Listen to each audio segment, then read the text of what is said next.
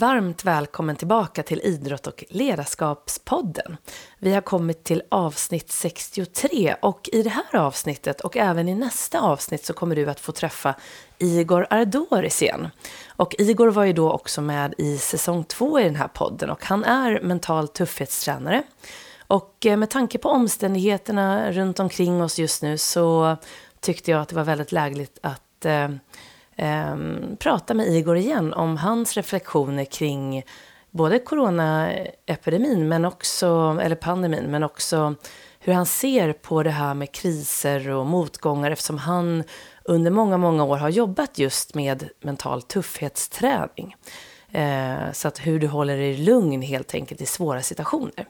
Så att den här första delen handlar mycket om hur du gör för att bygga upp din eh, mentala styrka från grunden så att du får många bra verktyg för det. Ehm, och vi kommer att få lyssna till Igors bakgrund till det här, hans tankar och reflektioner och eh, hur han eh, helt enkelt rekommenderar att vi tränar grunderna i mental träning. Och på slutet av det här avsnittet så rekommenderar jag alla hans böcker igen och hur du kan börja Eh, vilken litteratur du kan använda och vilka ljudfiler du kan använda för att då börja din egen resa till att bli mentalt stark genom att börja med grunderna i mental träning. Så det här är alltså del ett av två och jag önskar dig en riktigt trevlig lyssning. Nu kör vi!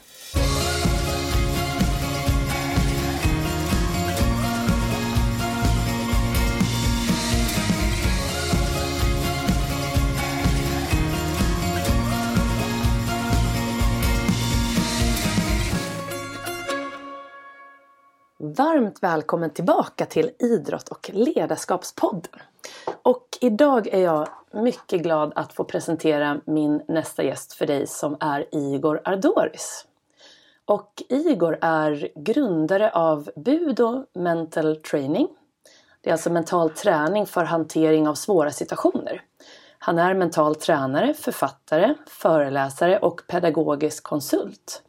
Och sedan 2007 så har Igor utbildat bland annat elitidrottare, lärare, polis, ambulanssjukvårdare och företagsledare i att agera utifrån lugn och balans i just pressade situationer. Och Igors egen erfarenhet av, av just högrisksituationer fick han redan i sina tidiga tonår då han tävlade i kampsport på elitnivå. Han har också jobbat som dörrvakt i Malmös nattliv men framförallt genom också sin upplevelse av att vara en civil och utsatt ung man mitt i inbördeskriget på Balkan. Och de här erfarenheterna då har då permanent sporrat honom att ägna den största delen av sitt vuxna liv åt att studera, förstå och även utveckla kompetensen att hantera det mänskliga psyket under stressande och skrämmande omständigheter. Och den här metoden som Igor eh, jobbar med, eh, den här träningen, är utvecklad bland annat genom sin långa erfarenhet av just japansk kampsport och genom sin passion för mental träning och österländsk filosofi. Varmt välkommen hit Igor! Tack så mycket, det var den längsta introduktionen hittills. det brukar vara det när jag, när jag, jag vill säga liksom allt bra som, som du oh, har herregud. gjort här. Men är då, är det bäst, som... då är det bäst att avsluta nu medan jag är på topp. ja, just det. Men du, är det något som du vill lägga till eller som nej, du tycker gud, att jag nej. har? Nej. nej. Det är jättebra. Något som jag vill lägga till det är faktiskt att du är gästförfattare i min bok Stolt, stark och säker också. Just det. Mm. Och att du har skrivit väldigt många böcker. Apropå att vara författare. Ja, det stämmer. Det stämmer. Det. Men du... Och alla handlar om mental träning. Just det, alla handlar om mental träning, precis. Men eh, vi kommer ju prata jättemycket om just det här som jag eh, nämnde, det här med mental tuffhetsträning och hur du tränar dina elever i just det här. Eh, men först lite grann om nuläget. Det här är ju faktiskt andra gången du är med här i Idrott och ledarskapspodden och senaste gången var i säsong 2 i juni 2017 och det är ju ett tag sedan.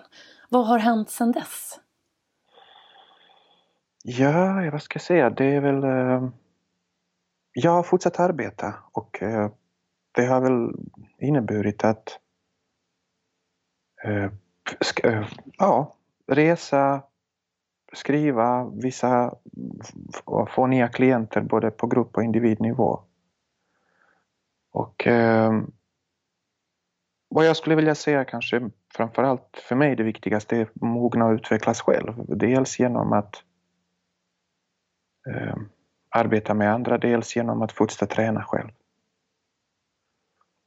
Så ja, vi pratade innan, du och jag, innan vi satte igång lite grann om Lars-Erik då, som är min lärare och mentor. Han är min stora förebild. Så om, jag har ju valt att jobba med mental träning på grund av att jag tycker det är så fascinerande och, och spännande och faktiskt det ger mig livsglädje att Eh, känna att jag kan uppgradera mig själv och hur jag hanterar saker och ting med tiden. Att jag inte bara behöver bli äldre utan att jag faktiskt kan bli bättre utifrån liksom, lugnare, säkrare, tryggare, gladare. Och det är ju en stor motivator. Ehm, och därför har jag valt att jobba med mental träning eh, och också som mental tränare för att det kräver att jag utvecklas. Och det kräver att jag förkovrar mig eh, både genom att arbeta med andra så lär man sig om sig själv men också fortsätta träna själv hela tiden. Just jag tänkte lite på, apropå din bakgrund där, när du kom i kontakt med mental träning för första gången. För du var ju pedagog från, från början när du var här i Sverige och jobbade med barn och ungdomar, eller hur? Ja, eh, ja jag var 18 eh, Eh, när jag kom till Sverige. Det var i samband med kriget i forna Jugoslavien. Och eh, då var jag färdigutbildad ingenjör i elektroteknik. Eh, så då var jag liksom gymnasie, gymnasieingenjör, inte, inte högskoleingenjör. Gymnasieingenjör i elektroteknik. Och då var det ju dags att liksom välja högskolan och så vidare. Så jag fick ju läsa gymnasiebetyg på svenska och lära mig såklart språket och sen um, och sen fick jag söka till eh, högskolan. Men i och med jag hade sett lite grann hur ett samhälle kan totalt försvinna um, väldigt fort och också hur, vad människor är kapabla att göra mot varandra. Så den här idén att läsa vidare till ingenjör i elektroteknik. Och jag, var ju, jag pluggade då kybernetik och automatik. Och ha så att säga ett vanligt liv. Blev väldigt alltså den förlorade sin, sin tjusning, eller vad man ska säga, för att jag kunde inte se på livet på samma sätt längre. Så jag kände väldigt mycket förakt mot, faktiskt framförallt mot vuxna människor utifrån hur mycket de, jag var ju en grabb då, så under hela min uppväxt fick jag ju höra så mycket hur man, vad man borde göra och inte borde göra och alla dessa goda råd och hur man ska vara och så vidare. Och sen såg jag ju med egna ögon hur människor tappade det helt eh, under press och visade sidor av sig själva som man inte i skolan brukade förknippa med mänskligt beteende, om man säger så. Sen har jag förstått att psykologiskt ingår det i, i människans psykologiska, vad ska man säga, repertoar. Men även om det är liksom väldigt primitiva grejer och att folk lät sig styras av deras ilska rädsla. Så de blev helt liksom mm, läskiga. Så jag hade svårt att liksom bara glömma vad jag varit med om och eh, även om jag kommit väldigt billigt undan i jämförelse med de flesta vill jag lägga till. Eh, så så det, den här idén att bara fortsätta plugga och eh, intressera mitt intresse byttes ut från eh, att bli ingenjör och så vidare till att eh, hitta ett arbete där jag, där jag trivs med människor. Och då fanns det på den tiden två områden som jag kände att jag kan ägna mig åt. Det var antingen läsa till veterinär för att jag hade inget mot djur. eller, eller faktiskt eh, pedagog och, för att arbeta med barn och ungdomar. Ehm, och det blev då eh, pedagog, så jag började läsa till förskollärare och sen när jag var färdig förskollärare fortsatte jag läsa pedagogik eh, i Lund och tog fil. pedagogik. Ehm, och samtidigt började jag arbeta då som förskollärare och sen specialpedagog ehm, och sen idrottslärare och klassmentor. Mm. Och när kom du i kontakt med just mental träning? Ganska snabbt. Jag lärde mig svenska genom mental träning. Det fanns, eh, det fanns uh, några böcker, jag tror um, 95 uh, såg jag en bok på biblioteket eh, skriven av Lars-Erik Junesson som heter Jo du kan. Det var ju vissa områden då, det, så, vissa hyllor på biblioteket då. Eh, idrott, lek och spel var en hylla det fanns väldigt mycket intressant om träning och så. Eftersom jag var med i karatelandslaget då, både som kadett och junior innan kriget bröt ut. Så jag har ju, jag har ju tränat karate sedan jag var nio och tävlat sedan jag var tolv. Och var med i landslaget sen jag var, alltså som kadett och sen jag var 15. Eller 14 till och med. Och sen som junior. Så, så och där fanns det väldigt mycket om yoga och det fanns väldigt mycket om styrketräning och, så, och de områden. Sen en annan hylla var psykologi, såklart tillämpad psykologi, som var intressant. Eh, och sen en hylla var eh, filosofi och religion. Och där läste jag väldigt mycket om eh, framförallt eh, då filosofi, alltså zen var väldigt spännande eftersom jag vet att japanska samurajerna övade zen meditation för att liksom bygga upp sin förmåga att möta döden. Så det var de tre hyllor på bibblan som var spännande. Så på psykologihyllan eh, hittade jag då några böcker från eh, Dr. Lars-Erik Unestål då. Eh, och det var då jag första gången lärde känna begreppet mental träning och blev jätteförtjust i det. Ja, och Så 95 någon 95 någon gång, ja. Jag kommer ihåg den där Jo du kan, den är fortfarande med i, deras, eh, i den här utbildningen när du, när du läser till licensierad mental ja. tränare. och den, den är ju så bra den boken. Det sammanfattar ju väldigt väl om, eller hur? Och det vi ska prata om idag också, om hur man gör för att träna upp sin mentala styrka helt enkelt. Ja, ja den är jättebra. Men jag tänker, hur har coronapandemin påverkat dig och din vardag? Om vi nu fortsätter prata lite om just nuläget.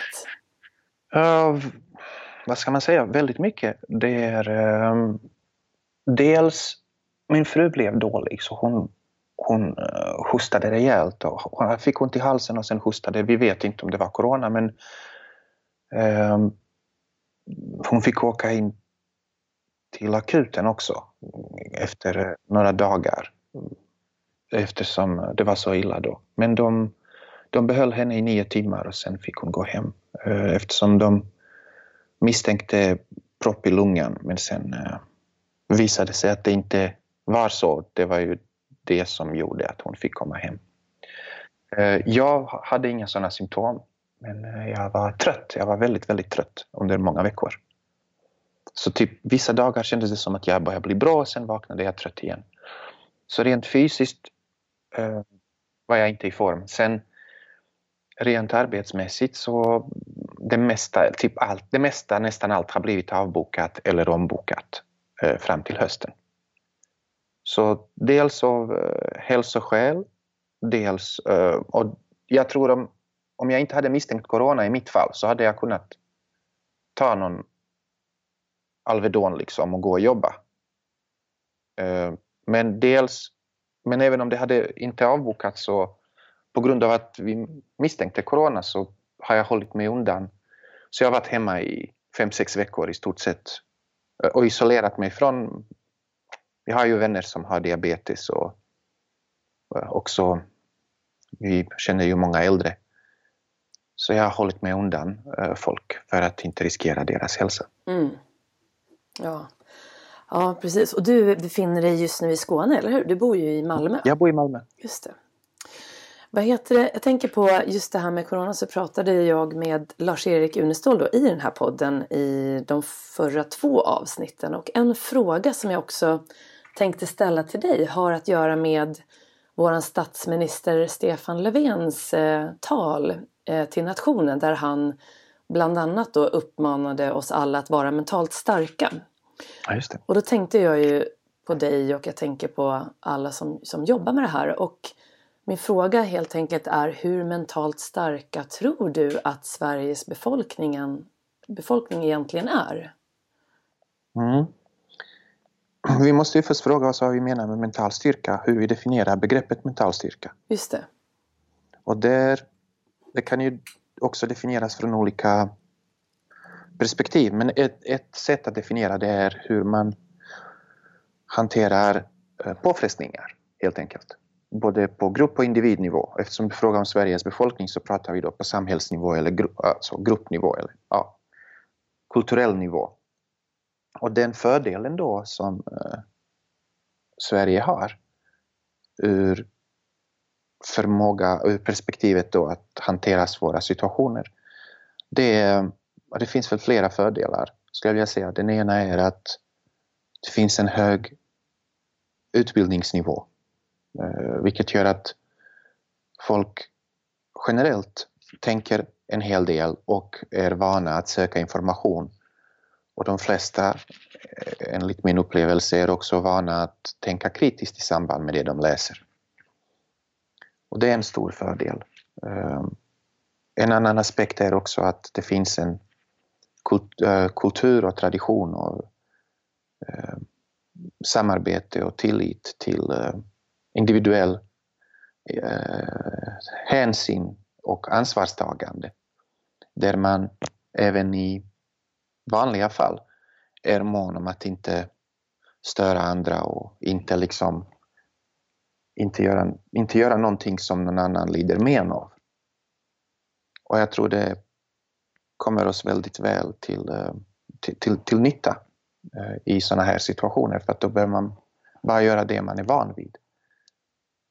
Så förmåga att visa hänsyn, förmåga att tänka källkritiskt, eh, viljan till samarbete och omtanke om varandra. Så det, allt detta ser jag som egenskaper som man i min värld är typiskt svenska. Och som, jag, som jag tycker bidrar till den kollektiva mentala styrka i samband med covid-19 hantering. Mm. Jättebra. Jag tycker att det är väldigt skönt att höra sådana här positiva eh, egenskaper som, som jag också upplever att vi har. Det är väldigt lätt att vi eh, att man, man ser liksom vad det är vi inte gör bra och vad vi inte kan och problemen som skapas, vilket, vilka är såklart många men det finns ju också många som, gör, som har den här styrkan tycker jag eh, är viktig att fram, eh, ta fram. Eh, att vi kanske har en, en, större mental styrka i grunden som ett kollektiv mot vad vi kanske tror. Ja, det, skulle jag vilja. Ja, ja, det är min upplevelse eftersom, som jag nämnde innan, jag är inte född och uppvuxen i Sverige. Jag kom till Sverige när jag var 18. Just det. Och i och med jag har eh, vuxit upp på, på, liksom, i en annan kultur, eh, även om det inte är så enorma skillnader för att det är ändå Sydeuropa, det är inte liksom eh, det är inte andra sidan jordklotet men det finns ändå en hel del skillnader vilket ger mig möjlighet att eh, se på Sverige utifrån från början. Så, och jag kan säga från dag ett så har jag varit extremt, extremt ja, förälskad skulle jag vilja säga. I just de här eh, egenskaper som, som jag upplever som, som, typiskt, som typiskt svenska. Och det är det här med omtanke och hänsyn och eh, viljan att göra gott och verkligen en, eh, att, man, att, att man verkligen undviker att göra någonting som, som kan störa någon annan eller eh, på något sätt bidra till att de inte mår bra. Mm. Det är, eh, ja, omtanken om människan, helt enkelt väldigt hög grad av humanism. Ja. Hette inte din första bok som du skrev här Hänsyn? Uh, första, nej, uh, det var min tredje eller fjärde som ja, heter Hänsyn. Men Absolut, hette... men jag skrev en bok som, som heter Hänsyn, som just handlar det. om hänsyn. Just för att lyfta fram just att lyfta fram den, den aspekten som jag tror många tar för given och eftersom de kanske är födda och uppvuxna med den men som är extremt värdefull. Mm. Eh, och, eh, och typiskt svensk dessutom. Väldigt, eh, du har nog helt rätt i det. Jag, är ju uppvuxen här och det är först när man hör någon annan säga det den ser att vi kanske har som egenskaper som jag själv kan uppmärksamma det. Ja, precis. Man blir hemmablind. Ja, man blir hemmablind, precis. Ja. Och du vet, det, det har jag upplevt och med att jag har fått lära mig både språket och kulturen mm. som, en, som, som en vuxen person. Så jag minns liksom när jag la märke till en sådana små detaljer med eh, röstläge, med eh, att det finns en viss rytm i konversation i Sverige. Att man liksom, har man sagt några meningar i sträck så börjar man så, så finns det en, en naturlig, vad ska man säga, balans, strävan efter en naturlig balans där man inte, det är de flesta generellt Okej, men nu har jag sagt några meningar, nu ska jag kanske lyssna lite. det är inte alls lika självklart i, i, i många andra kulturer. Nej. Ögonkontakt också, man tittar en stund på varandra så tittar man bort en stund. Liksom. man stirrar inte folk i ögonen liksom, så att de känner sig pressade. Överhuvudtaget, man undviker att, att någon ska uppleva sig pressad eller tryckt i ett hörn eller något sånt eftersom det här med med personligt utrymme och att ge folk andrum, att ge folk utrymme att ta hänsyn eh, verkar vara så, så viktigt. Eh, och, och jag älskar det, jag kan inte göra något annat än. Och jag, jag undrar kanske om jag inte uppskattar det extra mycket för att jag har inte vuxit upp med det så, så jag är... Eh, jag uppskattar det på nytt varje dag, så kan jag säga. Ja, ja det är så intressant att höra. Um, jag tänkte på, jag har en, eh, en reflektion som jag eh, eh, liksom tänkte till på när jag hörde Deepak Chopra. Han är ju en läkare som har blivit lite mer spirituell de senaste åren. Han är väl runt ja, 65-70 nu. Men han är en stor, har skrivit massor med böcker om hälsa och både från kost till våran spirituella och eh, psykiska hälsa då. Mm, mm. Och det som Hans eh, tog upp och som jag tänkte prata med dig om nu det är just den här eh, krisen som har uppstått nu eh, med anledning av coronapandemin eller det här covid-19 då. Och att det är en existentiell kris som har uppstått hos människor runt om i världen. Det har liksom blivit som att en rädsla, i alla fall väldigt mycket i början och jag tror att den fortfarande är väldigt stark. Att eh, det har lagt sig som ett lock över hela världen och det är en rädsla som jag tror innerst inne verkligen eh, handlar om våran rädsla för att bli sjuka och för att dö. Och eh, det här är ju då någonting som vi i alla fall i Sverige är väldigt ovana att prata om. Vi pratar inte om döden. Och jag tror att när man, när man skriver upp, när man har gjort undersökningar bland befolkningen så ser man att rädslan för att dö kommer ju då på, jag tror det var femte eller sjunde plats, apropå det vi är mest rädda för.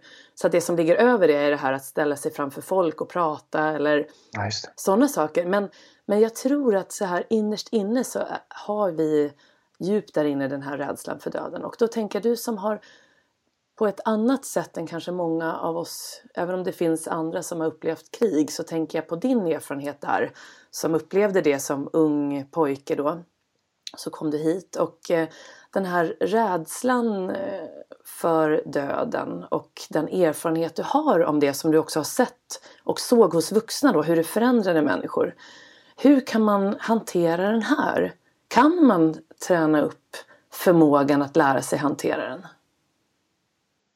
Eh, jo, ja, alltså att om man kan träna upp förmåga att hantera den, där råder det ingen tvekan. Det, det vet jag att man kan. Det, jag menar, om man tittar eh, rent eh, om man tittar liksom rent historiskt och kulturellt är det väl socialantropologer som framförallt eh, när de har studerat kulturer runt om i världen så har man ju upptäckt att oavsett om det är eh, var någonstans i världen, om man bara går tillräckligt långt eh, bakåt i tiden när man pratar jägare och samlare samhällen eh, så har det ju ingått i de kulturerna, även om det har yttrat sig på olika sätt, någon sorts eh, eh, övergång, eh, mer eller mindre symbolisk, eh, mindre eller mer smärtsam.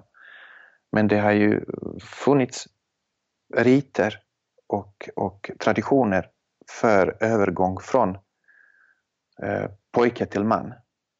Där, och, och, på vissa ställen har det varit, som jag sa innan, mer symboliskt att det dansas med masker så den här där barnet upplever, eh, får en annorlunda upplevelse och en, kanske en, som är framförallt symbolisk upplevelse, man ändå upplever en rädsla och så vidare, men den är mer eh, psykologisk och, och, efter det är man inte samma, man får ett nytt, pojken får ett nytt namn och blir upptagen in i eh, börjar behandlas som en, som en ung vuxen istället för ett barn. Till, till sådana eh, traditioner och kulturer där det har inneburit väldigt smärtsamma och till och med farliga eh, övergångsriter där de skulle uthärda eh, fysisk, eh, fysisk smärta där de i flera dagar fastar Eh, och håller sig vakna eller eh, ehm, måste slåss eller vad det, alltså det, det är väldigt olika. Men det kräver att de möter psykologisk död i unga år. Eh, och tar sig igenom den processen med vetskap om att de har klarat det. Och det har varit väldigt viktigt, och såklart det här är ju primitiva grejer. Men det har, varit, det har, funnits en, det har, det har haft en överlevnadsfunktion eftersom i kriser så måste stammen kunna lita på att dess män inte slår bakut. Och vad som menas med slå bakut? Dels att de inte flyr fältet om det är krig eller naturkatastrof. Men dels också att de klarar av att stå emot sina andra impulser. För att, för att liksom ha någon sorts... Eh, att, att deras mod ska vara i förgrunden och inte kanske eh, andra känslor i första hand. För att unga män och män, då, det, det, det, är ju, det har ju historiskt varit en, en kraft med en viss potential. Och om den kraften tas i besittning av primitiva instinkter så blir den farlig för ens egna stammen. Men om, om, om de lär sig ta kontrollen, eh, och jag säger kontrollen, jag menar inte hemma och jag menar inte ta, ha hundraprocentig styrning, men ta kontrollen över att de kan ta ansvar för sina olika känslor och framförallt ha sitt ansvar för sitt agerande trots vissa känslor. Att de ändå kan agera modigt även om de känner sig rädda till exempel. Ja, då, då, då, har, då ökar stammens överlevnadschanser. Så det här har ju haft både kulturella och praktiska syften ur rent existentiella syften, ur ren överlevnadsperspektiv. Så jag vet att det går att hantera. Ehm, men jag nämnde bara män, varför jag inte nämner kvinnor. Jag har läst om det en del och det jag förstår är att rent psykologiskt, Eh, och eftersom psyke och kropp hänger ihop, så rent psykologiskt så har en man möjlighet att behålla en pojkes psyke livet ut. För att det enda som händer är när vi, när vi då blir vuxna och blir könsmogna, det är att vi kan göra barn. Men i huvudet kan vi fortsätta vara pojkar. Om inte då, som i, i jägare och samhällets fall, man insåg detta så såg man till att tvinga pojken att möta sina rädslor på olika sätt.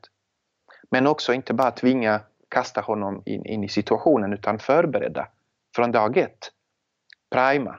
Så att det här är ju någonting de ser fram emot och de har också fått verktyg för att kunna ta sig igenom det. Och alla runt omkring det här barnet som är vuxna då, Eh, farbror och pappa och morfar och farfar och vad det nu är. Alla har gått igenom det. Så pojken ser fram emot det. Det finns rädsla och bävan men det finns också positiva förväntningar. Att han ska bli upptagen i gemenskapet så småningom. Eh, så det är inte bara liksom utsätta folk för, för jobbiga saker utan det handlar om att bygga upp dem först. Så att de har en stor sannolikhet att klara av det liksom. och ge dem support i processen samtidigt som man utmanar dem. Så det här är ju mycket, det är inte bara plåga folk liksom. Eh, det är viktigt att nämna. Eh, men och de har märkt att genom den processen så, så, så lär de sig hantera sin rädsla, inte minst rädsla för döden. Och då, först då kan de vara till nytta för sin omvärld. kvinnor gör man inte det med på samma sätt och anledningen är att vad jag har förstått Eh, att en kvinnas psyke förändras i samband med hennes eh, könsmognad. Kroppen förändras mycket mer. Eh, hon börjar blöda. Och jag ser blöda, jag använder det begreppet för att vid ett tillfälle när socialantropologer frågade varför är det bara pojkar som utsätts för det var en nordamerikansk stam där de verkligen utsätts för väldigt tuff prövning i flera dagar. Då, då svarade eh, shamanen att eh, kvinnor blöder naturligt och de lär sig hantera det. Pojkar måste lära sig blöda för att kunna lära sig hantera det.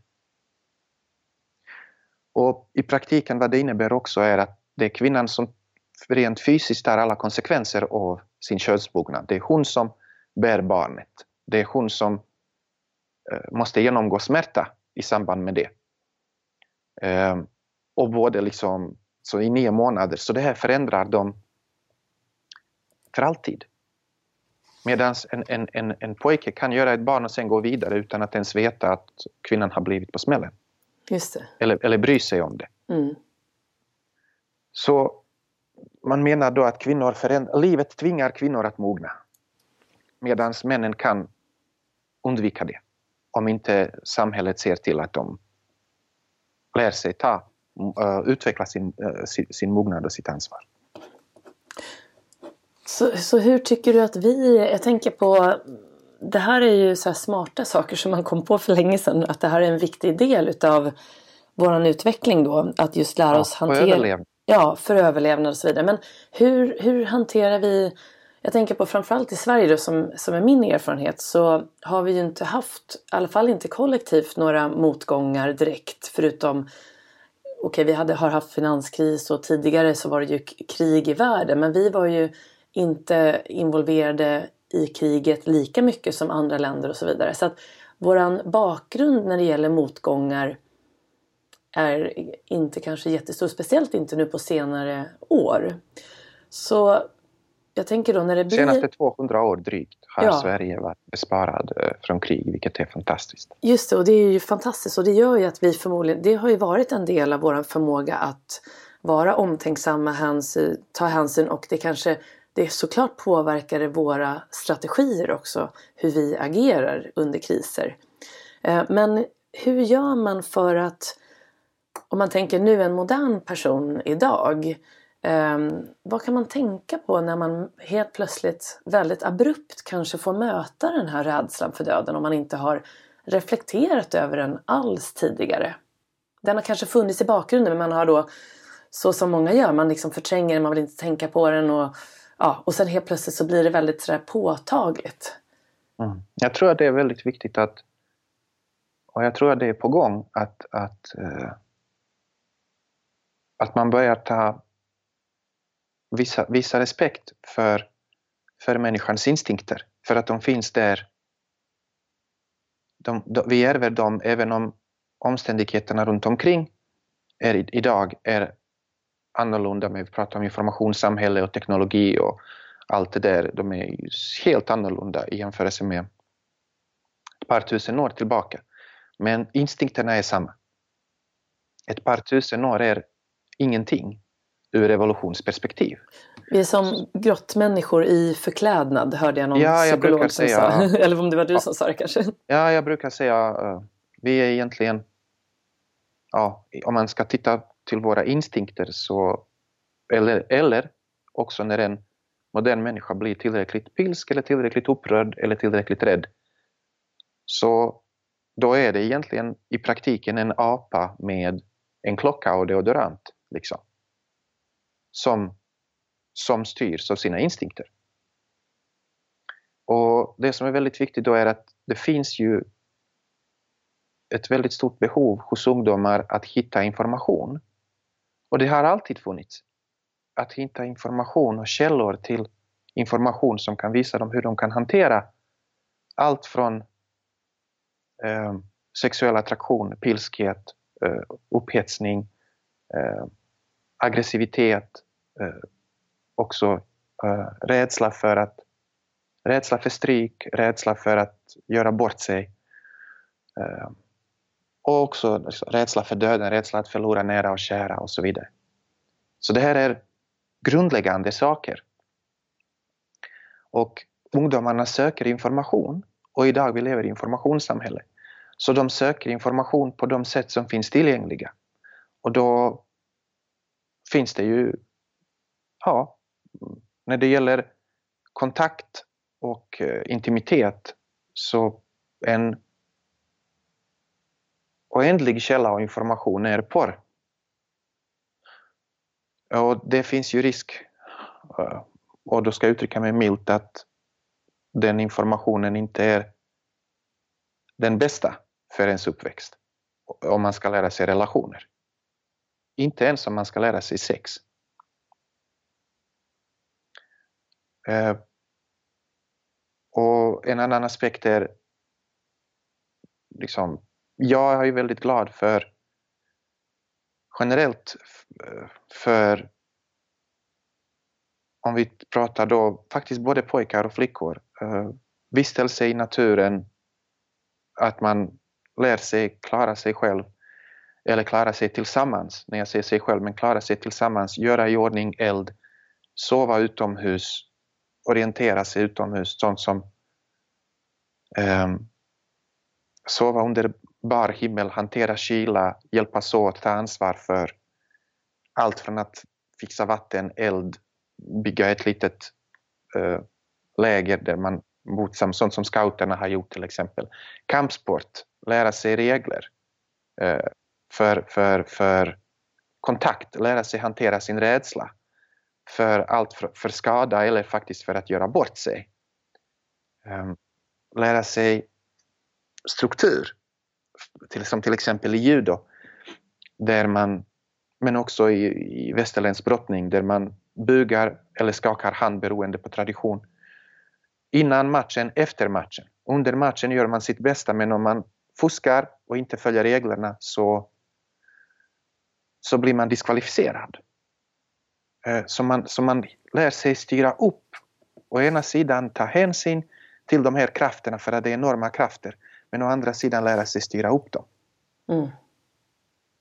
Jag tänkte på det, mm, du skrev ju en bok också som heter Att lära sig förlora och jag har tänkt mycket på just eh, eftersom jag också har tävlat mycket och eh, mina barn har börjat tävla i sina idrotter och ibland finns det ju mycket negativa tankar kring just tävlan om det liksom är bra eller dåligt. Men jag hörde någon som pratade just om att det är ju en miljö där vi verkligen får möjlighet att lära oss och träna på att förlora. Att mm. möta motgångar eh, i en ganska så relativt ändå behaglig miljö eftersom det ändå är en idrott då.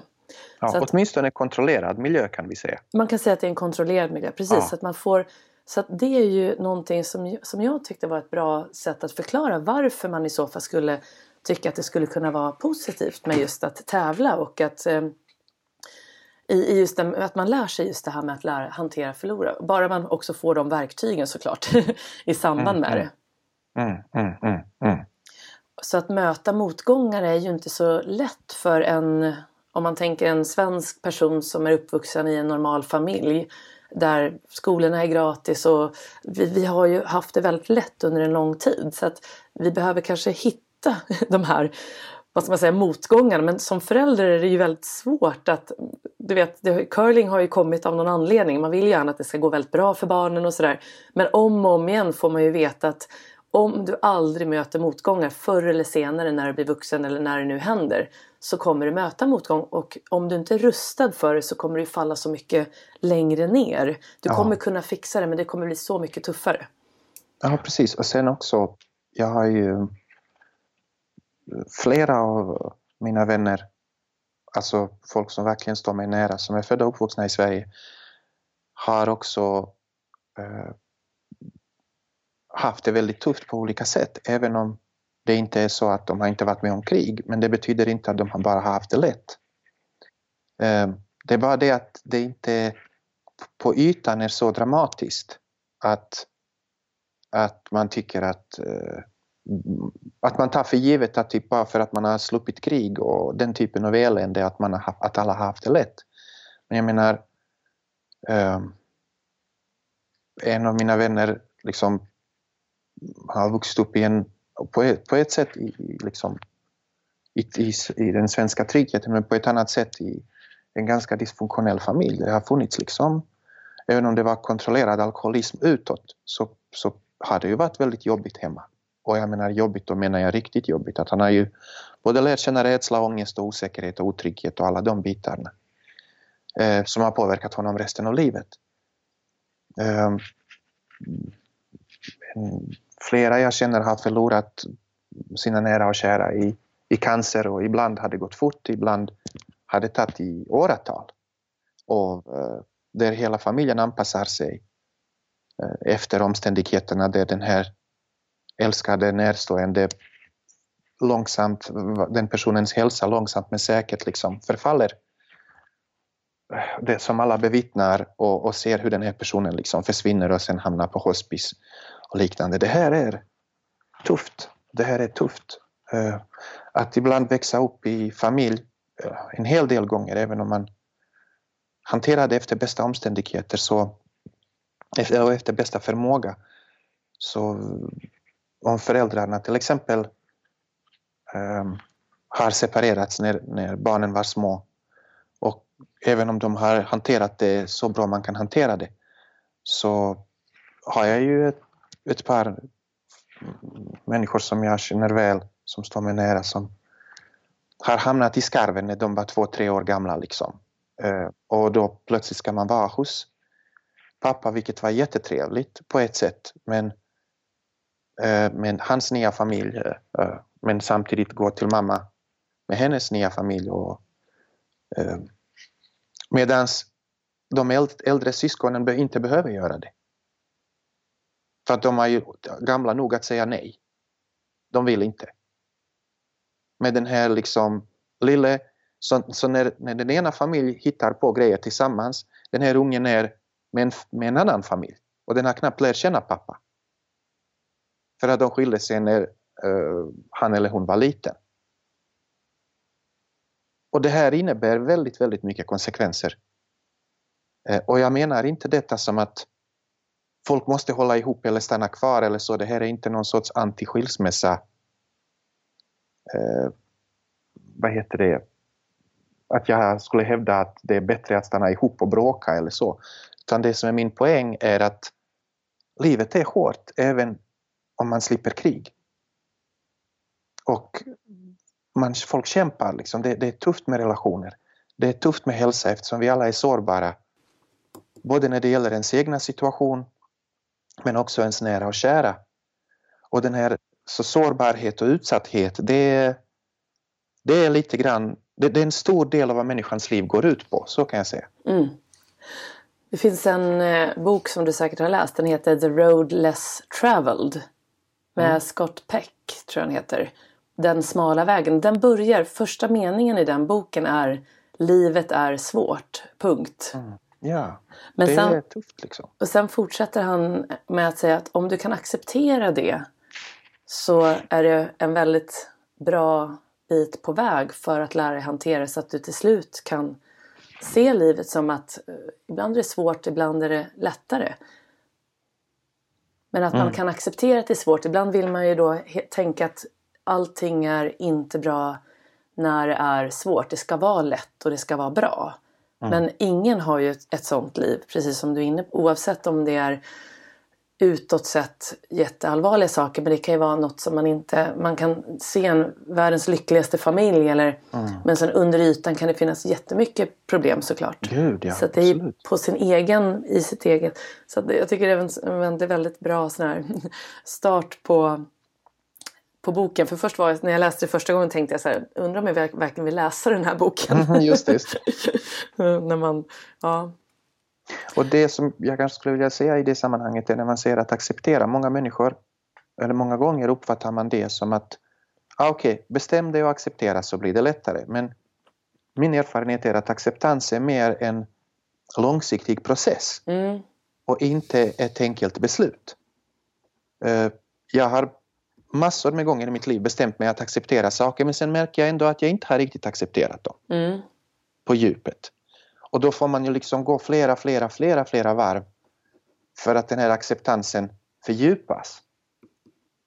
Eh, så ibland kan man acceptera någonting intellektuellt men sen visar det sig att det fortfarande gör ont. Då har man inte riktigt accepterat eller för, mognat förbi det känslomässigt. Ja just det, så tiden är viktig där också och att man, ja. att man är schysst mot sig själv där. Att det är, även om man förstår då intellektuellt det här är jätteviktigt att acceptera för att jag ska kunna gå vidare. Så är det inte, jag förstår vad du menar, det är jätteviktigt då att komma ihåg att det inte är så lätt att göra ja, det. Mm. Precis, på, på, på, engelska blir det en fin distinktion för att man säger it's simple but not easy. Ja just det. Så simple, it likes complexity det, alla fattar direkt att det är bättre att acceptera. Så det är inte komplext. Det är ett, ett, ett barn kan förstå det. Uh, so simple means it lacks complexity. But easy means it lacks effort. Så bara för att det är lätt att fatta betyder inte att jag inte behöver lägga väldigt, väldigt mycket energi för att klara av att göra det. Mm. Det kan kräva både väldigt mycket tid och väldigt mycket energi. Mm. Jag tänker på det vi är inne på nu för att lära sig hantera just motgångar och sina rädslor så är ju den mentala träningen ett fantastiskt verktyg på den här resan. Och eh, jag eh, har ju läst dina böcker och eh, sen vi såg sist så vet jag att du i alla fall har skrivit två nya. Du, jag fattar inte hur du hinner med att skriva alla dina böcker. Jag skrev, har skrivit en bok. ja. tog, men i alla fall. Men jag har inga barn. Nej, okej okay, vi får skylla det på det. Stor, det är en stor skillnad tror jag. Jag tror nog att du hade skrivit rätt mycket böcker ändå. ja, jag vet inte. Jag, jag, förstår att det här med barn är ju liksom... Det är, jag vet att jag har en hund och det kräver väldigt mycket tid. Det går inte att jämföra. Det, går inte liksom, det är inte på samma planet när jag tar barn. Nej, det är i alla fall tids, det tar tid. Ja, det om man vill göra det ordentligt så, så måste man engagera sig i det. Liksom. Ja, men, men i alla fall, så du, men en av de här böckerna nu senast är ju då en som just heter Grunderna i mental träning och då blev jag jätteglad um, att du gjorde det. Den heter, på, den heter Mind Training, Grunderna i mental träning. Mm, precis. Och då tänker jag att vi ska gå in på det för att både du och jag vi är väldigt måna om att det här vi pratar om, alltså kunskapen, att man får över det till en kompetens då hos våra elever, klienter men också i det här fallet de som lyssnar tänkte jag. Så, så vad skulle du till att börja med beskriva, vi pratar ju om mental styrka, definitionen av det och så. Men hur skulle du beskriva eh, mental träning? Vad är definitionen av just mental träning? Eh, jo, alltså som du vet, din förra gäst, Lars-Erik, Dr. Lars-Erik Runestål, är min stora förebild och lärare och mentor. Och han definierar mental träning som eh, träning som leder till att individen fungerar och mår bättre. Mm.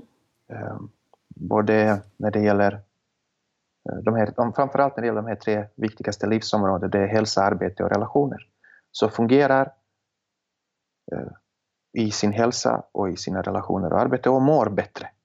Eh, då. Den här måendets aspekten av hälsa, den mentala hälsan då. För att fysiska hälsan varierar hos alla. Som sagt, man kan ju råka ut för saker och ting, eh, även om man är försiktig. Men då är det väldigt viktigt att det inte äter upp ens eh, välmående helt och hållet så att man ändå behåller liksom någon sorts eh, positiv attityd och någon sorts mental motstånd som gör att man kan ta sig igenom de här perioderna så gott det går. Mm. Ehm, så det är väl en det är den definitionen jag har lärt mig och jag, har varit så, jag tycker den har varit så heltäckande att jag inte har behövt leta efter någon bättre definition på mental träning. Så all träning som leder till att individen fungerar och mår bättre och som inte är eh, enbart fysisk utan som innefattar eh, också utveckling av ens eh, som, som, som innefattar en psykolog, psykologisk aspekt så är det mental träning. Just det. Och så hur börjar man då? Om man tänker nu att nu har vi pratat om eh, liksom hur man hanterar just det här med när man hamnar i en kris, man har rädslor för döden, det är stora saker. Eh, men för att liksom bygga upp den här mentala styrkan från grunden så har ju den mentala träningen en väldigt bra eh, strategi där kan man väl säga.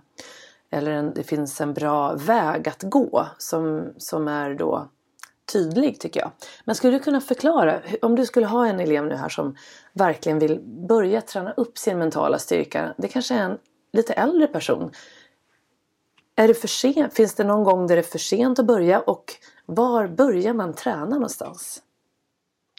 Så ja, det är, jag kan ju säga att om vi utgår från det här med grunderna i mental träning så eh, Unestål gjorde ju ett, eh, en, ett gediget arbete genom att både plöja genom forskningen som fanns då eh, fram till eh, mitten på 60-talet och det fanns en hel del eh, och fortsatte då med egen forskning. Och det som det, det som jag har lärt mig och som jag, hur jag lär ut det till mina uh, klienter eller de jag samarbetar med. Då uttrycker jag det så här att så för att kunna uh, hantera, nummer ett är, jag utgår alltid från hantering av svåra situationer och jag kallar det träna för tio. Och vad det innebär då är att om man kan hantera det svåra, det vill säga på en skala 1 till 10 där 10 är worst case scenario, ettan är semester. Så om man tränar för att hantera en tia så man, kan man enkelt vrida ner sin respons om det är något som är lättare än tia att hantera en sexa eller femma. Så kan man hantera det svåra är det, kan man också hantera det lättare. Men tvärtom är det svårt. Om jag kan hantera det lättare, det är inte så enkelt att vrida upp min respons och hantera något svårare. För att jag saknar marginaler. Så därför är det väldigt viktigt att eh, då fråga sig, okej, okay, när jag ska börja träna mentalt, vad är det jag ska träna mentalt för? Ja, I min värld handlar det om att hantera det som skrämmer mig mest. Om det är nu döden eller bortgång av mina nära och kära eller att vara ensam och utblottad eller vad det nu är. Men det är det som jag vill kunna hantera, även om det, oavsett om det sker på riktigt. För att då är det ofta väldigt svårt, för att då är man, då är man mitt i smeten. Utan för det mesta om det sker i mitt huvud. Eh, så, att, så det här liksom skrämmer mig. Att ingen vill ha mig eller att, att jag är eh, vad heter det, marginaliserad eller undanskuffad eller bli betraktad som en paria eller att någon förföljer mig eller vad det nu är, eller att jag dör i någon hemsk sjukdom. Ehm, så, så det här finns i bakhuvudet hos oss alla eftersom vi är sårbara. Och många människor klarar av att hantera det så till, alltså att det inte tar över deras vardagsliv. Om det tar över vardagslivet då behöver man hjälp av, av medicinsk utbildad person som psykiatriker eller psykolog eller något sånt. Men om det bara är på en nivå där det, där det känns jobbigt och det kostar en del energi men man fortfarande fungerar eh, någorlunda, man vill fungera och må bättre, då är det mental träning. Eh, som, som som är aktuell. Så det är väldigt viktigt att förstå, har det börjat ha, ta över ens liv eller ha negativ inverkan på ens vardag, då är det inte mental träning som man ska söka. Utan då, då, då och när, när folk hör av sig och beskriver liksom att de redan uh, att det påverkar deras hälsa, arbete och relationer liksom uttalat negativt, ja men då behöver de, de har problem att sova eller vad det är uh, har någon sorts självskadebeteende eller problem med att äta eller vad det nu är, då, då, då är det inte mig de ska jobba med. Uh, men så, så det är det för, och sen då frågan, vad är det vi ska träna upp? Och jag brukar uttrycka det med, eh, vi vill träna upp i praktiken förmåga att styra vår egen medvetna uppmärksamhet, alltså fokus, att styra, eh, också kontrollera vår andning och kontrollera vår spänningsnivå. Och de här tre, jag kallar dem FAS, fokus, andning, spänning. Och de tre ingår i samma helhet. Och det är mitt sätt att beskriva vad man egentligen ska göra så att alla kan förstå det. Så när vi tittar på hur mental träning är upplagd när det gäller utveckling av de här tre, fokus, andning och spänningskontroll. Så i eh, Lars-Erik Uneståls modell så börjar man med någonting som heter progressiv avslappning. Och där tränar man alla tre. I alla övningar tränar man alla tre. Fokus, andning, spänning. Fas fin, ingår i allt. Eh, så progressiv avslappning det är en modell som är eh, utvecklad i början på 1900-talet eh, av Dr. Edmund Jacobson från Chicago.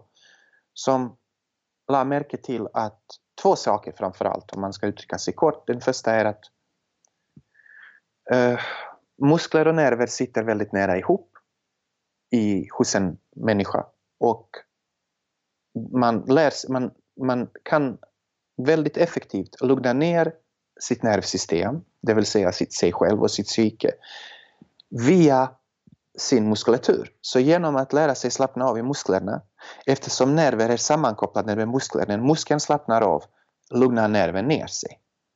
Så nervsystemet, eh, man kan indirekt lära sig påverka sitt nervsystem genom att lära, förbättra sin förmåga att fysiskt öka sin, öka sin fysiska avslappning. Så det är det första, en väldigt viktig upptäckt. Eh, och det andra är att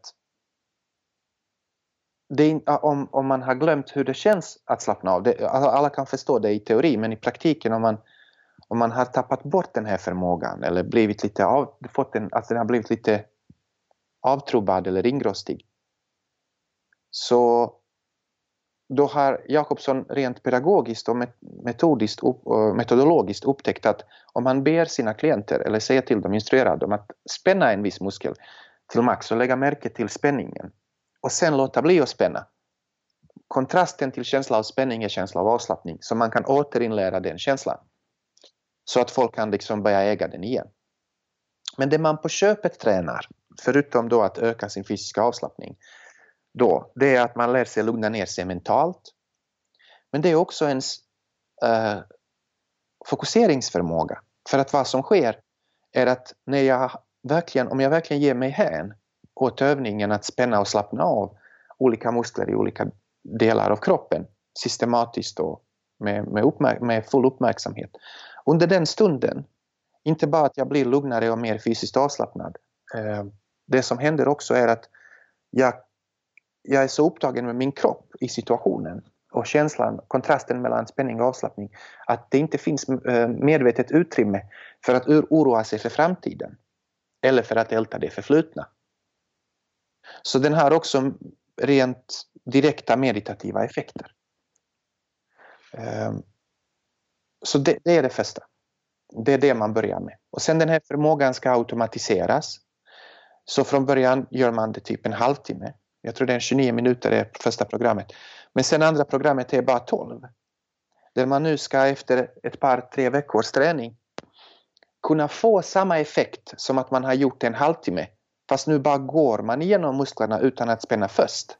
Eftersom nervsystemet vid det här eh, tillfället då är efter tre, fyra veckors träning är så vältränad. Att, så pass vältränad att den minns under citationstecken, hur det känns att slappna av. Mm. För att man har påmint den dagligen i en månad. Så nu räcker det att man tänker på att man vill plocka fram den känslan hos sig själv. För att kroppen ska slappna av och ha alla de här både fysiska och mentala effekterna. Du som håller på med mindfulness också så tänker jag eh, när jag tänker på det som vi pratar om nu att man automatiskt slappnar av i en muskel utan att spänna den så är ju det eh, kroppsscanning. Skulle man kunna säga att det är en liknande träning för att förklara vad, vad den träningen är, den här som är 12 minuter? Alltså det finns en hel del likheter eh, mellan progressiv muskulär avslappning och, och kroppsscanning och det finns en del skillnader också. Ah, okay. eh, likheterna är precis som du har nämnt att man systematiskt går igenom kroppen eh, och eh, att effekten kan bli att man också blir lugnare och eh, aspekten av närvaro är också samma. Eh, där jag måste fokusera på olika muskel, muskler i kroppen oavsett om jag ska, eller jag måste, men det underlättar fokus om jag spänner och slappnar av. Man kan göra det också efter ett tag mekaniskt. Men då missar man poängen med övningen.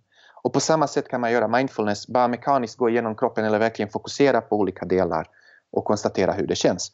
Det som är skillnad Eh, mellan progressiv avslappning och mindfulness, även om de kan verkligen överlappa varandra och förstärka varandra. Det är att eh, mindfulness handlar i kanske i en omvänd approach där man genom ett eh, nyfiket och observerande sinne eh, som man använder som en, som en sond skickar den till olika delar av kroppen och bara noterar vad som finns där. Oavsett om man noterar spänning eller avslappning så låter man det vara. Och när man låter det vara, när man inte försöker fixa det eller greja med det eller om, om man klarar av att uppfatta det utan massa åsikter, så effekten blir att nerverna lugnar ner sig, vilket i sin tur leder till fysisk avslappning.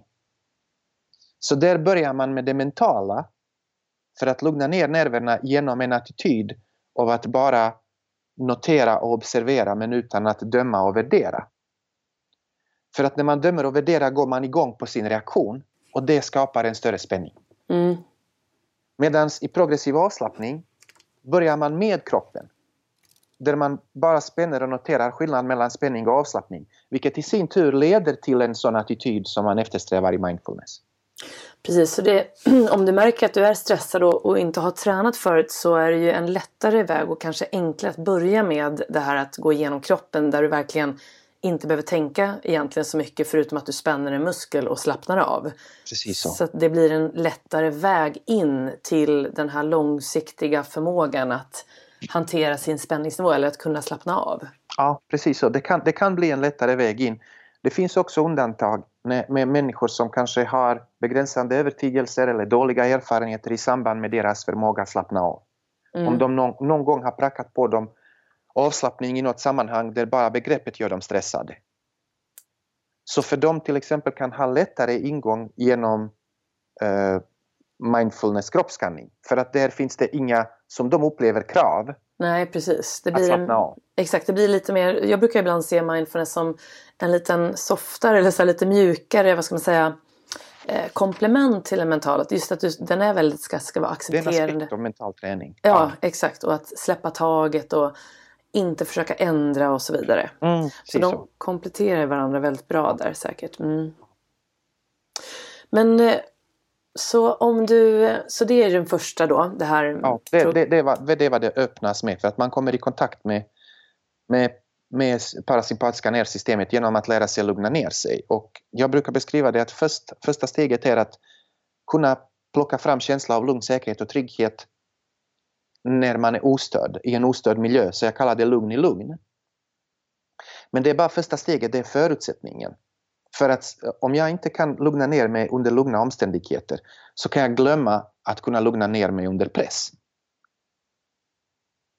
För att, ja, om jag inte kan, ja, det säger sig självt.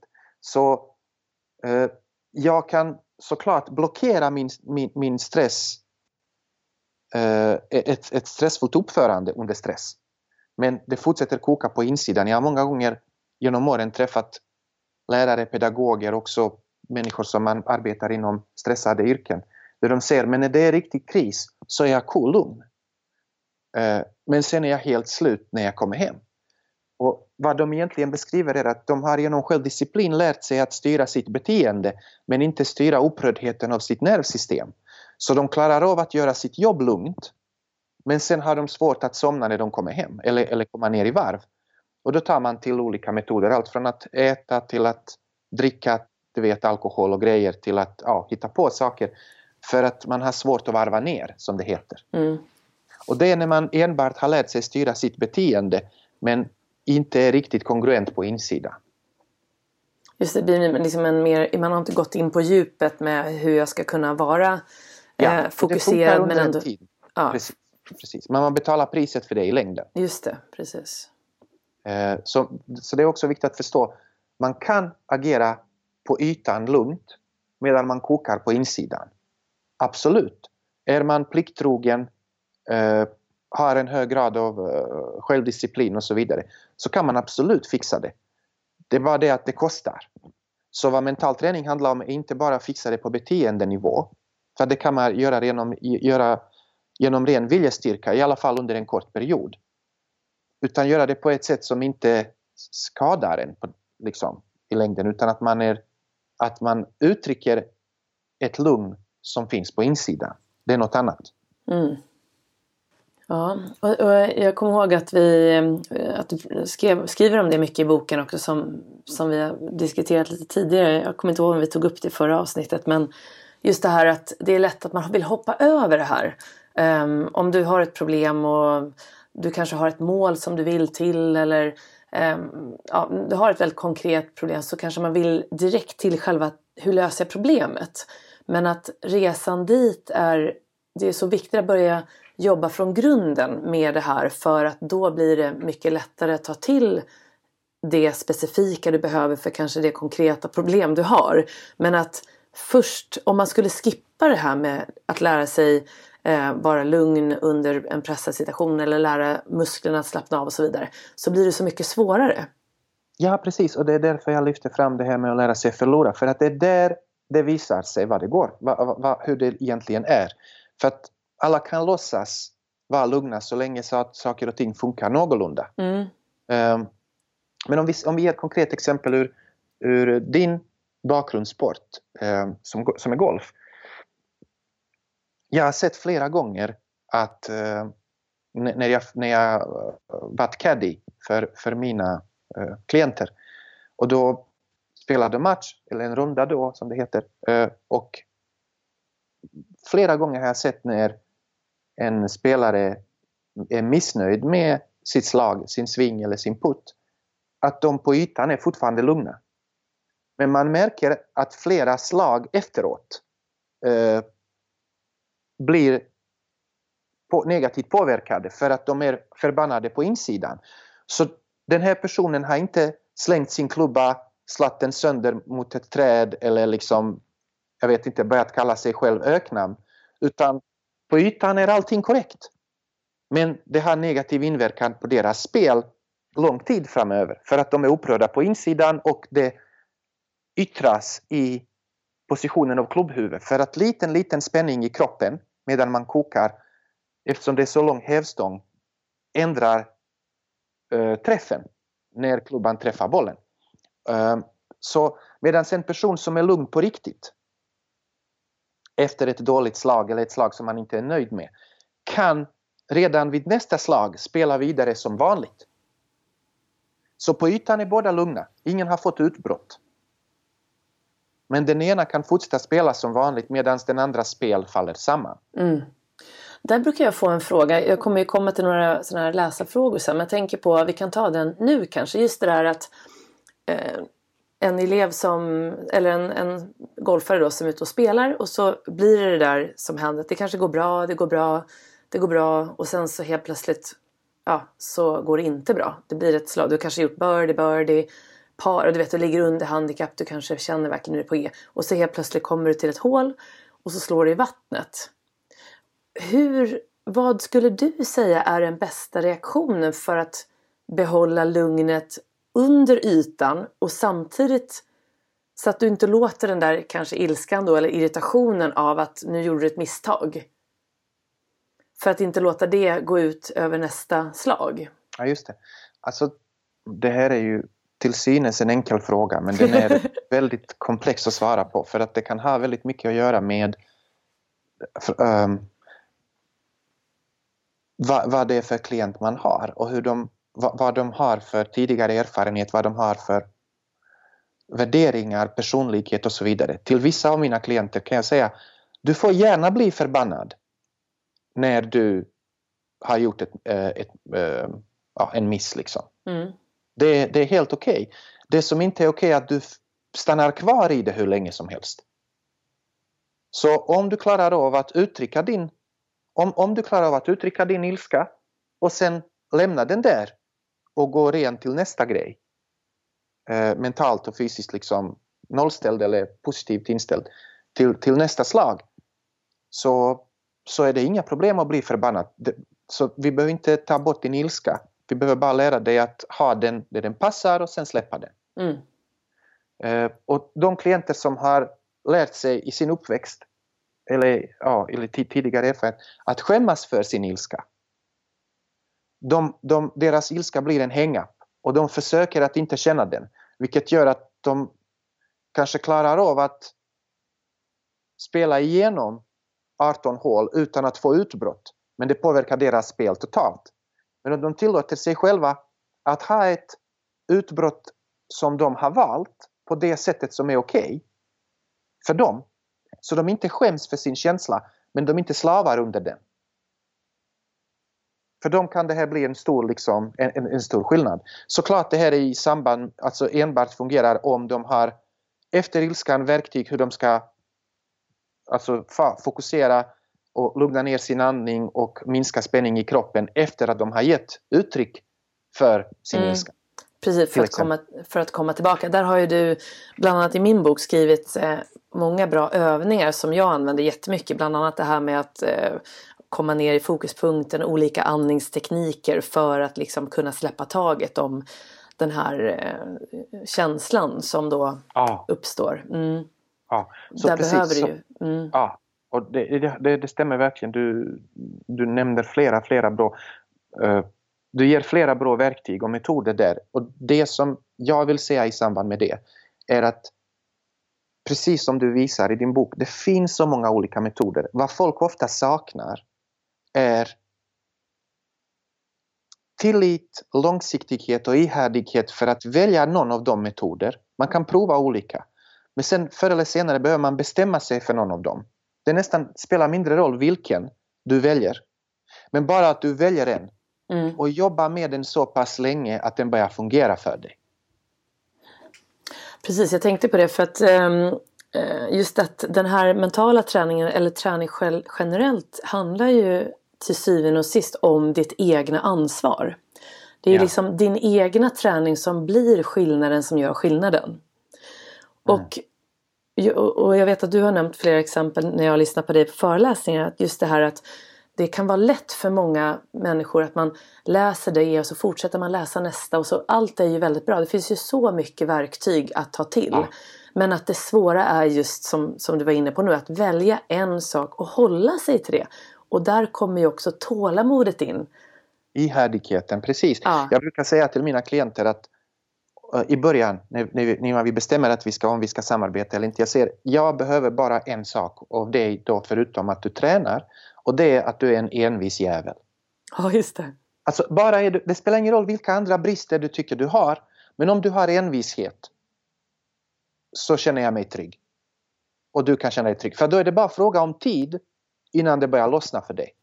Och då, precis, att om du vet vad du ska göra. För jag tänker att ibland kan det vara svårt att veta. Om du får massa verktyg så kanske man inte vet när man ska göra vad. Till mm. exempel, eh, som jag tycker är väldigt bra just med mental träning, att det finns en väldigt bra ordning. Du tränar på saker.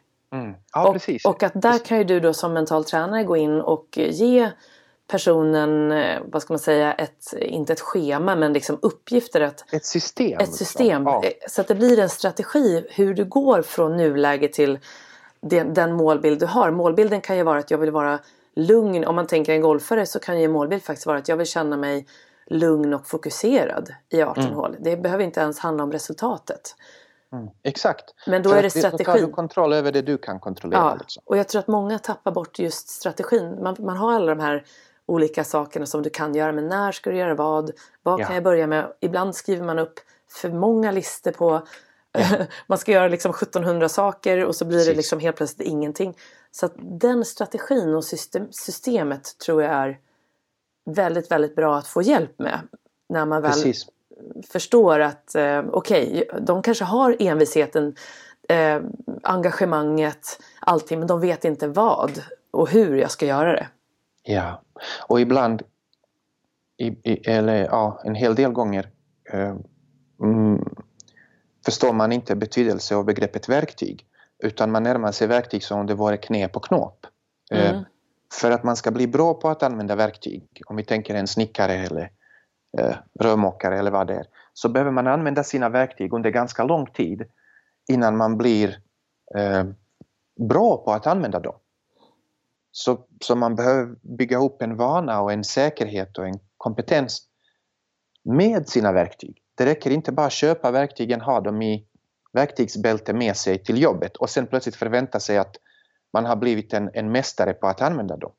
Man får, ge, man får räkna med att genom att använda verktygen blir jag bättre på att använda dem. Inte genom att läsa böcker om dem eller prova dem någon gång ibland. Och det är det jag menar med envishet.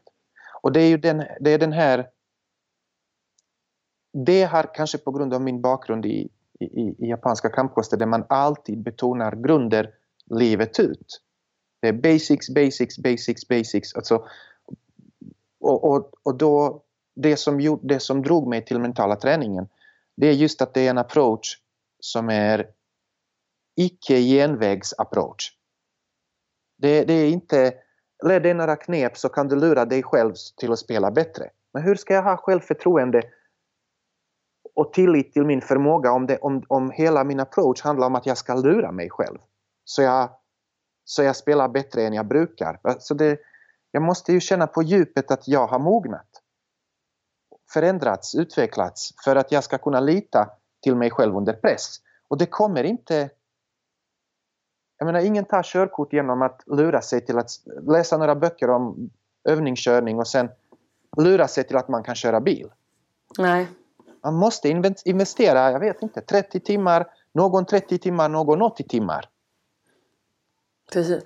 Det, jag brukar eh, kunna dra sådana fina paralleller mellan vikten av att jobba med grunderna även mentalt med tekniken i, i hos golfare. För att det, om du tänker en sving så kan man ju grotta in sig väldigt mycket i hur själva mm. rörelsen ska se ut. Och det finns ju, jag vet inte hur många böcker jag har i min bokhylla ja. från mina utbildningar som handlar om tekniken i svingrörelsen. Men jag har i princip ingen bok som handlar om grunderna i det som händer innan du börjar svinga. Alltså hur du ställer upp dig själv, hur du siktar, hur du tar tag om klubban, hur du håller kroppen. Alltså det är grunderna egentligen då i i golfsvingen. Mm. Så att börjar du med att träna på svingen för tidigt utan att ha gjort grunderna då kan du i princip hålla på att spela golf resten av ditt liv och du kommer förmodligen ha svårt att, att bli bättre. Och det var det som var så intressant tycker jag när jag lärde mig om just mental träning att jag hade applicerat mental träning i min karriär som proffs ungefär som mina golfare applicerar sin golfsving. Att jag hade tränat på svingen istället för att börja med grunderna. Så även som proffs visste inte jag hur jag skulle jag, jag visste, förstod inte ens att det var viktigt att jag skulle lära mig eh, förmågan att reglera min, min spänningsnivå. Det hade jag, den grunden hade jag liksom inte lärt mig. Jag visste mer att det är viktigt att tänka positivt. och ja, det är viktigt att, ja, vad var det mer? Jag hade några sådana här bra grejer som kunde ta mig ganska långt ändå på grund av att jag tränade väldigt mycket fysisk styrka och teknisk styrka. Men, ja. men jag kom ju inte längre när jag stötte på, när, det blev, när pressen blev hög som på Europatouren, då, då hade jag liksom inte verktygen. Nej. Så det, jag tycker det är en sån bra parallell att ja, vill, det det vill vi håll, hålla i längden och, och att det faktiskt finns eh, de här grunderna också i mental träning. Och de kan man då eh, jag tänker på din bok här igen som är så himla bra, den här lilla boken Mind Training, grunderna i mental träning men också Lars Eriks böcker där det ja. står tydligt, först avspänningsträning men sen också smakfaktorerna skulle man ju mm. kunna ta som nästa steg där med självbildsträningen och målbildsträningen. Mm. Att det måste gå i den ordningen. Man kan liksom inte börja med A som är attitydträning och sen nu ska du ut och tänka positivt. Om du liksom inte vet, du har ingen tillit och, och du vet ju inte hur du ska hålla dig lugn. Ja, precis som jag upplever mig själv som värdelös och sen försöker jag ha en positiv attityd. Hur ska det gå ihop? Det, är det, det, det, som, det, är därför jag, det är därför jag blev så förtjust i, i som sagt i Unestols approach till mental träning och, och, och, hela begreppet att man kan träna upp sin mentala styrka. Att det inte är bara tänk positivt, okej. Okay, jag kanske först behöver kunna lugna ner mig. Okej, okay, när jag har lärt mig att lugna ner mig, slappna av, okej, okay, men då behöver, kan jag slappna av mentalt. Så först slappnar jag av mentalt genom att slappna av i hela kroppen. Sen lär jag mig slappna av i kroppen snabbare. Sen så småningom räcker det med att jag bara vill plocka fram känsla av avslappning och tar ett, ett andetag. Så får jag typ samma effekt som jag gjorde från början efter en halvtimme. Men det här måste jag ju liksom... Jag betalar priset i att öva upp den förmågan. Men sen nästa steg är mental avslappning. Och då är frågan, kan jag plocka fram samma mentala lugnet nu Fast utan att behöva gå igenom hela avslappnings, fysiska avslappningsproceduren kan jag till och med vara fysiskt aktiv men plocka fram det här mentala lugnet. Där jag bara liksom kopplar av mentalt. Och sen använder vi det för att när sinnet är lugnt, då är det också mottagligt för ny information. Så först har jag lärt mig lugna ner min kropp och sen lugna ner min, mitt sinne. Men sen nu när jag har lärt mig lugna ner mitt sinne.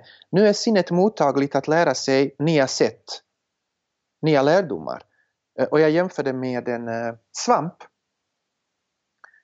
Om den här svampen, svampen har en uppsugningsförmåga, så om jag, vill, om jag har spilt någonting på bordet och så ska jag använda den här svampen för att ta, suga åt sig, torka upp den här vätskan som är på bordet så måste jag först vrida ur svampen från den vätskan som kanske redan finns där.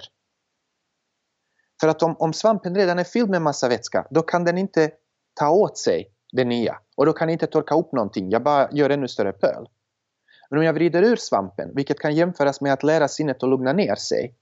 Nu är svampen eller sinnet mottagligt för att suga åt sig det jag vill att den ska ta till sig. Och det här kan ta en, två månader träning för att man har liksom innan man har utvecklat den färdigheten till en okej okay nivå. Sen kommer nästa steg. Nu, nu när jag är redo att ta till mig en bättre typ av information börjar jag bygga upp min självbild, hur jag ser på mig själv. Eh, också mina förväntningar på min framtid. Sen kommer attityd, hur kan jag hantera motgångar och känsla och liknande. Så mm. det, det, finns en, liksom, ett, ett, system som inte är slumpmässigt utan som som eh, Precis. Unestål har lagt mycket tid och, och, alltså, och vi pratar decennier på att liksom bygga upp.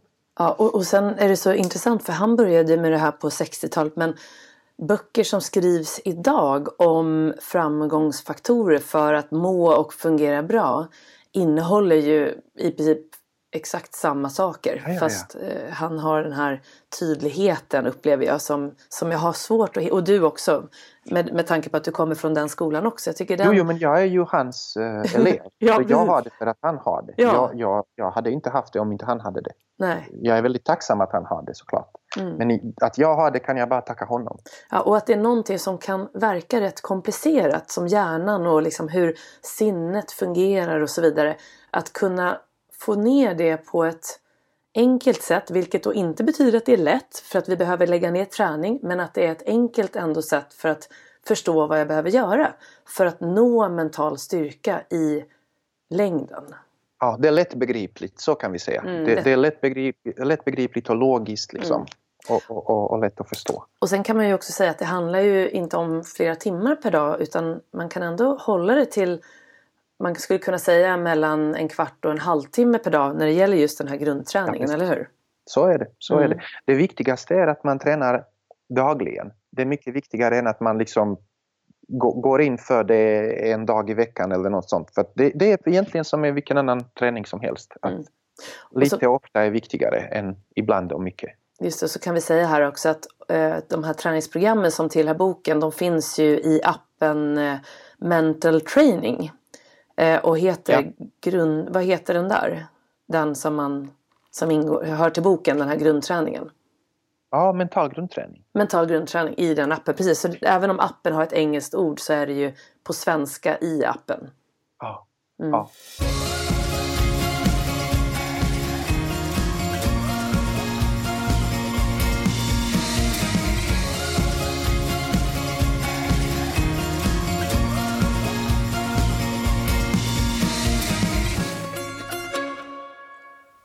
Då har du fått lyssna till mitt samtal med Igor Ardoris och jag hoppas nu att du har fått med dig en hel del inspiration och eh, redan här då en hel del verktyg och eh, tankar som du kan ta med dig in i din egen vardag.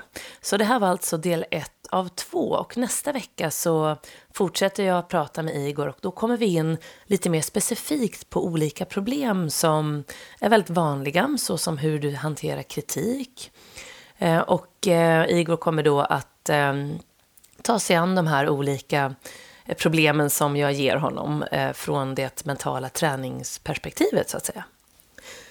Och vad gäller då böcker och ljudfil och hur du själv kan börja träna så nämner vi ju det här lite grann i samtalet. Men jag tänker här också återigen nämna de här böckerna som vi pratar om och dels så kan vi då Eh, både jag och Igor har ju läst mycket av Lars-Erik Unestål. Och den första boken som jag läste av honom var självkontroll genom mental träning. Så alla böcker med Lars-Erik Unestål ger egentligen en väldigt bra grund. Och sen då, när det gäller Igors böcker, så den senaste som handlar om just grunderna i mental träning som han har skrivit med, med Lars-Erik Unestål, den heter Mind Training, grunderna i mental träning. Och den ger dig precis de, eh, ja, de steg du kan ta för att börja din egen resa till din mentala grundstyrka. Både i teorin, alltså vad du behöver veta om mental muskulär avslappning. Ehm, men sen också vilka ljudfiler du kan använda till det. Så den rekommenderar jag varmt. Igor har också skrivit Att lära sig förlora och det var en fantastisk bok som jag tog med mig väldigt många bra saker ur och eh, kan vara bra för dig som är väldigt tävlingsinriktad och har svårt att förlora eller märker att just eh, det här går ut över din egen vardag. Så den kan jag också varmt rekommendera. Och så har vi då för dig som vill gå lite djupare och är intresserad av självhypnos. Ehm, så har Igor då tillsammans med Fredrik Presto skrivit Hypnothinking, fokus bortom tvivel. Där har du massor med spännande övningar för, där du förstår hur tanken och hur kropp och sinne hänger ihop. Och när det gäller ljudfiler då, så tror jag att det lättaste är att du går in på den här appen Mental Training. Eh, och det här är då ljudfilerna som hör till den här boken Mind Training, grunderna i mental träning också. Och där finns det då fyra ljudfiler som heter eh, grunderna i mental grundträning. Och eh, den laddar du ner lätt via App Store. Och så har också Igor en egen app som heter Stark på insidan. Så där har du två olika att välja på. Och vill du nu gå en kurs i det här med mental träning så håller jag ju själv varje höst och varje vår en kurs där vi går igenom just den här mentala träningen och grunden i mental träning med både avspänningsträning och de här smakfaktorerna. Och då får du de här ljudfilerna, de ingår alltid i den träning som jag gör med dig. Så är du intresserad av det så kan du då gå in på www.jennyhagman.com och följa schemat där under boka. Och du kan också såklart alltid höra av dig till mig på info jennyhagman.com Antingen för frågor eller om du då är intresserad av att börja din träning med en mental tränare. Och vill du träna med Igor så vet du vart han finns. Då är det www.igorardoris.se och med det sagt så vill jag nu önska dig en fortsatt trevlig dag eller kväll. Och eh, nästa vecka då så fortsätter det här samtalet med del två. Tills dess så ta hand om dig och dina nära och kära och så ses vi snart igen. Hejdå!